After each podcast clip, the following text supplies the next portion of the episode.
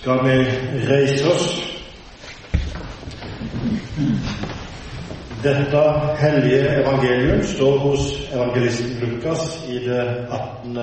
kapittel.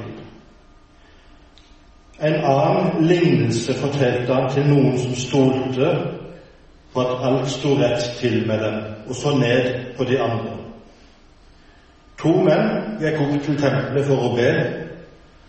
Den ene var fariseer, den andre var toller. Fariseeren stilte seg opp og ba slik.: Gud, jeg takker deg for at jeg ikke er som andre mennesker, som snyter, gjør urett og bryter ekteskapet, eller som den tolleren der. Jeg faster to ganger i uken og gir tiende av alt jeg tjener. Tolleren sto langt nede og ville ikke engang løfte blikket mot himmelen, men slo seg for brystet og sa, Gud, vær meg synder nådig. Jeg sier dere, tolleren gikk hjem rettferdig for Gud, den andre ikke. For den som setter seg selv høyt, skal settes lavt, og den som setter seg selv lavt, skal settes høyt. Hellige Gud, dette var ditt ord til oss i dag. Hellige oss i sannheten. Ditt ord er sannhet. Vær så god og si det. I dag er det bots- og bededag, som jeg helst sa før. Og det er òg reformasjonsdag. Og preiketeksten her fra Lukas kapittel 18 kan passe veldig godt for begge de merkedagene. Vi hører om eh, tolleren i tempelet, som var både en botferdig og, en, og et bedende menneske. Og vi vet òg det at eh, for reformatorene på 1500-tallet så var dette med bod viktig. Bod eller omvendelse. Du og jeg kan godt få lov til å tenke på den daglige omvendelse når vi drøfter disse tingene i, i kveld. Og hvis vi går tilbake til året 1530, til den riksdagen som keiser Karl 5. kalte inn til i byen Augsburg i, i uh, Bayern, ikke så langt ifra byen München, så kunne ikke Martin Luther sjøl være til stede. Han var lyst i vann. Han uh, oppholdt seg visstnok på Borga i Kåburg, et stykke lenger nord. Men uh, Philip Melanchthon og de andre eh, Luther, Luther sine venner, de andre eh, fyrstene som sto i reformasjonsbevegelsen, de møtte da fram på denne riksdagen og måtte gjøre greie for sitt syn. Det nye synet som splitta kirka, og som til og med keiseren var urolig for, skulle svekke den tyske motstandsdyktigheten mot tyrkerne som da herja øst i Europa. I den forbindelse så lagde reformatorene et, et forsvarsskrift som etter hvert ble et bekjennelsesskrift, Confessio Augustana, den augsburgske bekjennelse. Og jeg tror nok at uh, en kom tilbake til dette spørsmålet i flere sammenhenger, men iallfall i den augsburgske bekjennelse så, så, er det et lite avsnitt som handler nettopp om boden. Hva er boten? Og Der forklares det på den måten at den består av to bestanddeler, av to stykker. Det er angeren, og det er trua. Angeren på angeren over våre synder men også trua på syndenes nådige forlatelse for Jesu Kristi skyld. Så når vi nå snakker om bod, og vi hører om den botferdige tolleren i tempelet, så skal vi tenke på det at, at sånn, eh, den forbindelsen har vi òg til reformasjonen og reformasjonens eh, skrifter. At uh, bod og omvendelse, den daglige omvendelse, blir forankra og knytta opp til de to delene. Anger i hjertet, men òg ei tru som griper Guds nådige forlatelse og trøster og styrker det angrende mennesket. Lignelsen er kort og sånn sett enkel. Det handler om to menn. Begge er på tur opp til tempelet i Jerusalem i det æren å be til Gud, tilbe Gud der. Og så hører vi om fariseere som ber på sin måte. Jeg takker det, sånn var fariseerens bønn. Gud, jeg takker deg for at jeg ikke er som andre mennesker. Og tolleren ber på en annen måte. Han slår seg for brystet og tør eller vil ikke engang vende blikket mot himmelen. Han slår blikket ned. Og det vi skal merke oss, det er jo Jesu ord om denne tolleren. At tolleren gikk rettferdig ned ifra tempelet. Tolleren gikk rettferdig hjem. Vi skal betrakte de to menneskene. Jeg tror nok det at uh, Jesu hensikt er å henlede vår oppmerksomhet på på tolleren først og fremst som et forbilde. Det var tross alt han som ble kjent rettferdig av, av Jesus, og i så måte så er det han vi skal legge mest vekt på og lære av. Men vi må òg bruke noen setninger på, på fariseere. Og hva det egentlig Jesus hadde imot fariseere. Begge de mennene gikk jo opp til tempelet og vi må anta at begge mennene var, var trodde på Gud og hadde ei ærlig hensikt eh, ut fra hvert sitt ståsted om å tjene Gud. For det første så var det sånn eh, et framtredende tema, må vi kunne kalle det, i Jesu forkynnelse, at han tok et oppgjør med den fariseiske teologien som var så framtredende i jødedommen i Jesus samtid. Og det er ikke bare her vi møter det, men vi møter det flere plasser når vi hører om Jesu forkynnelse i Det nye testamentet, hvordan Jesus advarer mot fariseerne sin surdeig. Hos uh, evangelisten Matteus i det 23. kapittel så er hele dette kapittelet viet til Jesu vedrop over fariseerne. Ved dere skriftlærde og fariseere, ved, ved dere hyklere, ser Jesus om disse menneskene, om jødene sine fremste religiøse ledere, iallfall av de som ikke hørte til presteskapet. Jesus sier videre, og igjen så, så er i Matteus evangeliet i det 23. kapittel Jesus sier videre i det ydre, det som folk ser, er dere redskap. Når Jesus taler til fariseerne. I det ydre, det som folk ser, er dere redskapene. Men i det indre er dere fulle av hykleri og urett. Jesus bruker rene ord og er direkte i sin anklage og i sine vedord mot fariseerne og de skriftlærde i sin samtid. Vi skal òg minne en annen om bergpreika, denne store talen til Jesus, der Jesus stramma inn på det som var gjengs lære og lærdom i sin samtid, som fariseerne òg sto for. Nemlig den, den vektlegginga på de ydre skikker og de ydre regler. Og så sier Jesus det, men det er ikke det som teller først og fremst men du skal legge vekt på det indre troslivet. Det er det som betyr noe. Så det er vel og bra dette ydre er, er ikke kommet for å oppheve noe av loven. Ikke en tøddel av loven skal forgås, her i Jesus.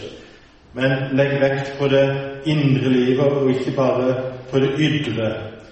Og med gammel språkbruk fra 1930-oversettelsen I har hørt det sagt, men jeg sier eder.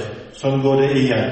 Jeg sier det, sier Jesus i bergpreika, og tar opp da og forsterker og understreker hvordan Gud opprinnelig hadde tenkt at loven skulle virke hos menneskene. Så må vi òg kanskje gå på fariseeren sjøl, og vi blir ikke så godt kjent med ham. Men ut ifra den korte bønnen han ber, og denne korte lignelsen, så får vi et inntrykk av åssen mann dette var, og åssen liv han hadde med, med, Gud. Han står altså i tempelet. Det står sånn at han stiller seg opp. Han stiller seg opp. Og så, så, så, så ber han denne bønnen. Han takker for at han ikke er som, som andre. Han takker for at han ikke er som, som den som den eh, tolleren der nede. Og med med, med de ordene så forstår vi at fariseeren var en sann mann som langt på vei hadde blikket festet på seg sjøl. Blikket festa på sine egne gjerninger, blikket festa på sin egen lovoppfyllelse. Og han hadde mindre På den måten så var det mindre plass til Gud og mindre plass til nesten. Og nå vet jeg ikke åssen tanker du gjør det når du hører denne preiketeksten, og når du hører den bønna til fariseeren som strengt tatt ikke var kanskje så gal i seg sjøl, men vi forstår jo at Jesus ville peke på noe i det han beskriver denne fariseerens bønn på den måten han gjør. Og i mine øyne så står det fram at når fariseeren hadde blikket festa på seg sjøl når han ba til Gud, så glemte han egentlig det som Jesus, eller det vi i ettertid har kalt for det dobbelte kjærlighetsbudet, og som Jesus underviste og, og forklarte for, for fariseerne. Han kom i samtale med folk, og der var skriftlærere til stede, og disiplene var til stede. Og så underviser Jesus om dette, for fariseerne hadde en del spørsmål. Som vanlig prøvde de nok å sette Jesus fast, men, men Jesus svarte det på den måten du, han summerte opp profet, eh, loven og profetene. Så sier Jesus, og dette her i kapittelet før, vedropende til, til fariseerne Nå er vi i ikke kapittel 23 hos Markus, men det er kapittelet før, i kapittel 22. Jesus sier du skal elske Herren din Gud av hele ditt hjerte og hele ditt sjel og all din forstand. Dette er det første og største bud. Men et annet er like stort. Du skal elske de neste som deg selv. Og på disse to budene hviler hele loven og profetene. Og det har nemlig sånn at hvis vi går i den samme fella som denne fariseeren gjorde, at vi ser mest på oss sjøle, så er det fare for at det blir mindre plass både til Gud og til nesten. Og dermed så forsømmer vi oss overfor det dobbelte kjærlighetsbudet, sånn som Jesus underviste.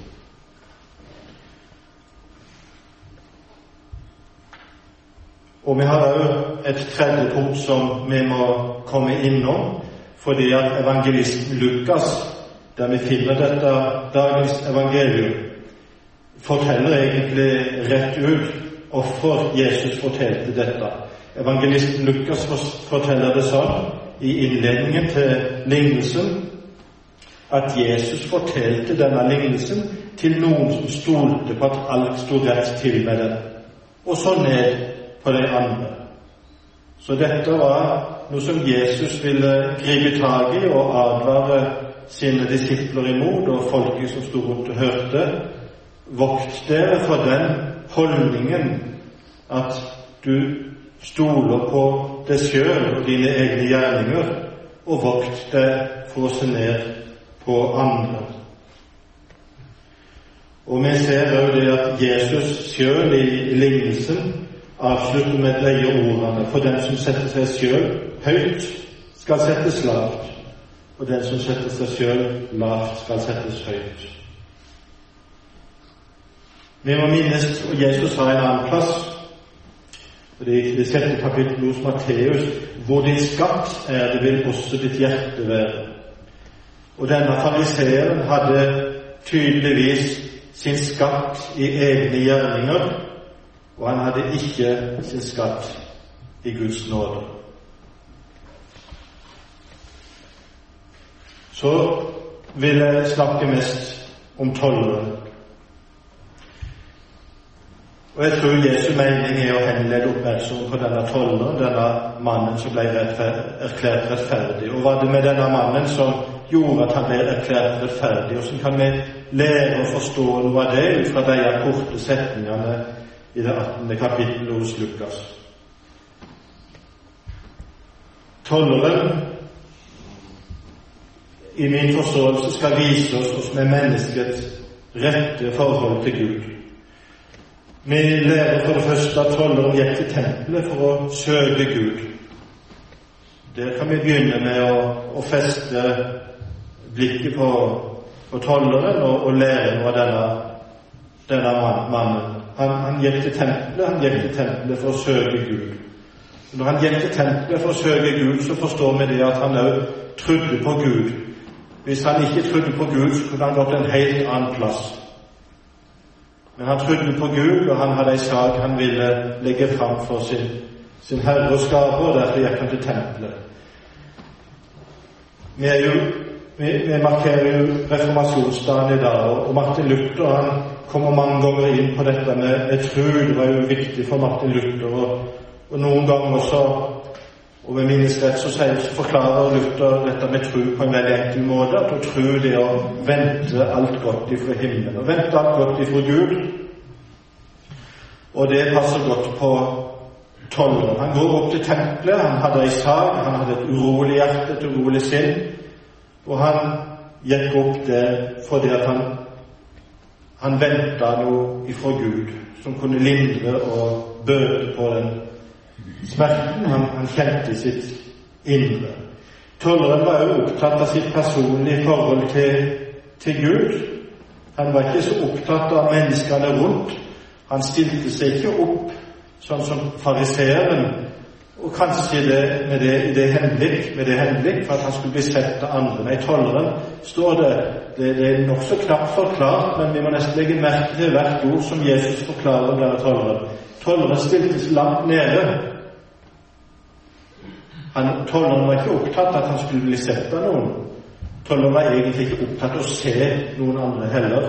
Kanskje var han heller opptatt av å komme seg litt vekk fra folk. For det ærendet han hadde, det hørte hjemme i en samtale med Gud. Han ville være alene med Gud, han ville ha en stund alene med Gud. Og Det kan du og jeg trenge av og til, så dette skal vi òg ta med oss ifra denne tolleren. Vi kan av og til trenge å stikke oss vekk der det ikke er så mye som forstyrrer, å ha en samtale med, med Gud. Og av måten som tolleren ter seg på Han slår blikket ned, han slår seg til for brystet, og han stiller seg opp et stykke unna de andre, så forstår vi det at tolleren setter seg sjøl lavt. Og med å sette seg sjøl lavt, så setter tolleren Gud høyt. Det er òg vi skal ta med oss fra denne preika fra denne preiketeksten. Tolleren setter seg sjøl lavt, og på den måten så setter han Gud høyt. Tolleren gikk rettferdig hjem. Vi nevnte det at reformatorene minte seg sjøl på, og minte folket, og har òg mint oss helt fram til denne dagen om at bod er noe som hører hjemme i et naturlig kristenliv. Den daglige omvendelse er noe som hører hjemme i naturlig kristenliv. Og i boden så er det to stykker som vi skal være oppmerksomme på. Det er ei oppriktig og sann anger i hjertene over det som er gått galt i livet vårt.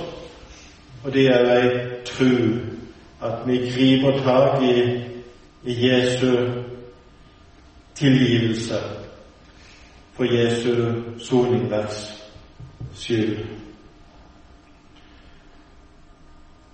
Og på denne måten så må jeg minnes en annen mann som var havna i veldig nød, den samme livssituasjon som tolleren, men mange hundre år før det vi hører om her, skildra, fant sted.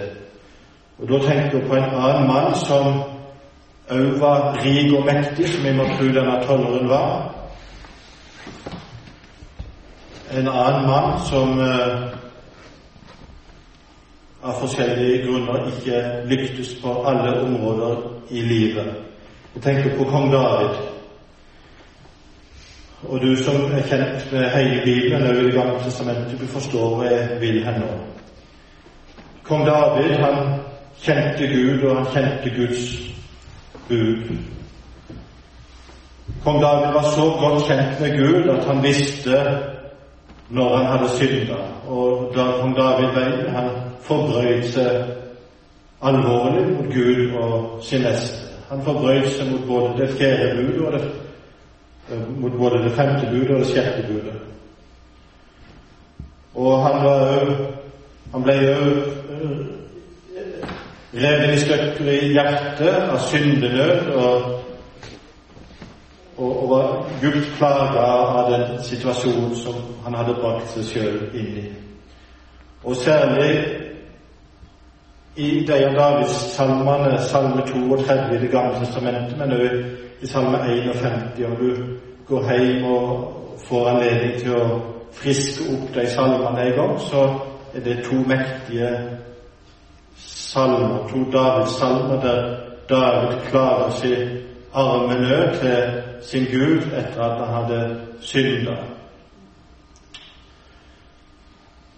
Eh, om vi skal lese ifra, ifra Salme 32, og vi hører David skildre eh, skildre sine følelser, skildre det som reiv og sleiv i hans indre, eh, overfor Gud. Og vi fornemmer en, en, en sann anger i det som David sier i denne salmen.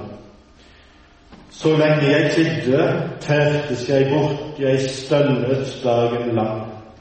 For din hånd lå tungt på meg dag og natt. Min livskraft svant som i sommerens hete. Dette er ord som kong David bruker for å skildre kjenslene i hjertet sitt etter de store overgrepene, etter det han hadde gjort eh, mot, eh, mot, sin neste. Men, men så skal vi òg lære kong David at han lot ikke bare dette være med ei uro i hjertet og sjelenød. Han gjorde noe med det. Han kjente Gud, og han kjente Skriftene. Han visste han skulle gå hen med denne store sorgen. Og det er jo det som er eh, vi skal takke for, både du og jeg, at vi vet vi skal gå hen med, med, når, når det melder seg uro i sjela vår. Så skal vi takke for det at vi òg har en kirke å gå til, vi har kanskje et bedehus å gå til, vi har Guds forkynnelse å gå til og søke trøst hos. Vi har med kristne som vi kan gå til, og vi har prester og predikanter som på en særlig måte kan hjelpe oss å, å finne veien til Gud etter at vi har trådt feil. Så det gjorde David. Han, han søkte Gud, han søkte i bønn, og han søkte i, i tro. Vi kan minnes igjen den kirkesøndag som er i dag, bods- og bededag. Kong David gjorde bod, og han vendte seg til Gud i bønn. Hør her i vers 5, og jeg leser fortsatt fra Salme 32. Da bekjente jeg min synd for deg, og dekket ikke over min skyld. Jeg sa, nå vil jeg bekjenne mine synder for Herren. Og så lyder evangeliet denne Davidssalmen i Det gamle testamentet som skulle være i ord for Jesu egen munn. Og du, sier kong David, og du, Gud, tok bort min syndeskyld. Vi ser her to menn, kong David vi har tolleren i tempelet, som hadde med å bære på og la det fram for Gud. Og kong David han fikk seie til sin Gud og gripe trua. Han angra i sitt hjerte, men han greip òg håpet om Guds nåde, denne kong David. Og du tok bort min syndeskyld. Og denne tolleren, denne stømperen som kom opp til tempelet med alt det som lå på hans hjerte Vi kan tenke oss at han var han var jo uglesett av hele sin samtid, og kanskje med god grunn, for vet, folk rundt han så på tolleren som en landssviker og som en tjuv. Så tolleren hadde nok mye å, å, å samtale med sin Gud om. Men så får han den omtalen av Jesus i denne lignelsen at tolleren gikk rettferdig hjem for Gud. Og de ordene til kong David og de ordene til denne tolleren, det er Guds ord til det og meg. Det er Guds ord til den sorgfulle, botferdige synder som vender seg til Gud. For å henne skal du og jeg ellers vende oss. Syndere, tolleren, fariseeren, gikk opp til tempelet. David søkte òg Gud. Så må vi lære av menneskene i forskrifter at vi søker Guds tilgivelse, og så skal du og jeg som går da og søker Gud i et kristent fellesskap, så skal vi òg få ta imot evangeliets tilsigelsesord. Dine synder er forlatt. Så vil jeg avslutte nokså nokså snart med denne reformasjonsdagen så kan det høre og, minne en annen om loven og, og, evangeliet som egentlig finner igjen i dagens preiketekst òg. I Guds ord så får du høre sannheten. Du får høre sannheten om deg sjøl. Det er lovens forkynnelse. Du skal ikke, du skal. Og når loven blir forkynt, så ser du det at akkurat som med alle oss mennesker, så kommer vi til kort. Det er en viktig erkjennelse for et menneske. Det er en viktig erkjennelse for et menneske som finner fram til et sant gudsforhold, at han ser seg sjøl i lys av loven. Og så har vi òg evangeliet som reformatorene holdt fram for oss. Da får vi høre sannheten om Gud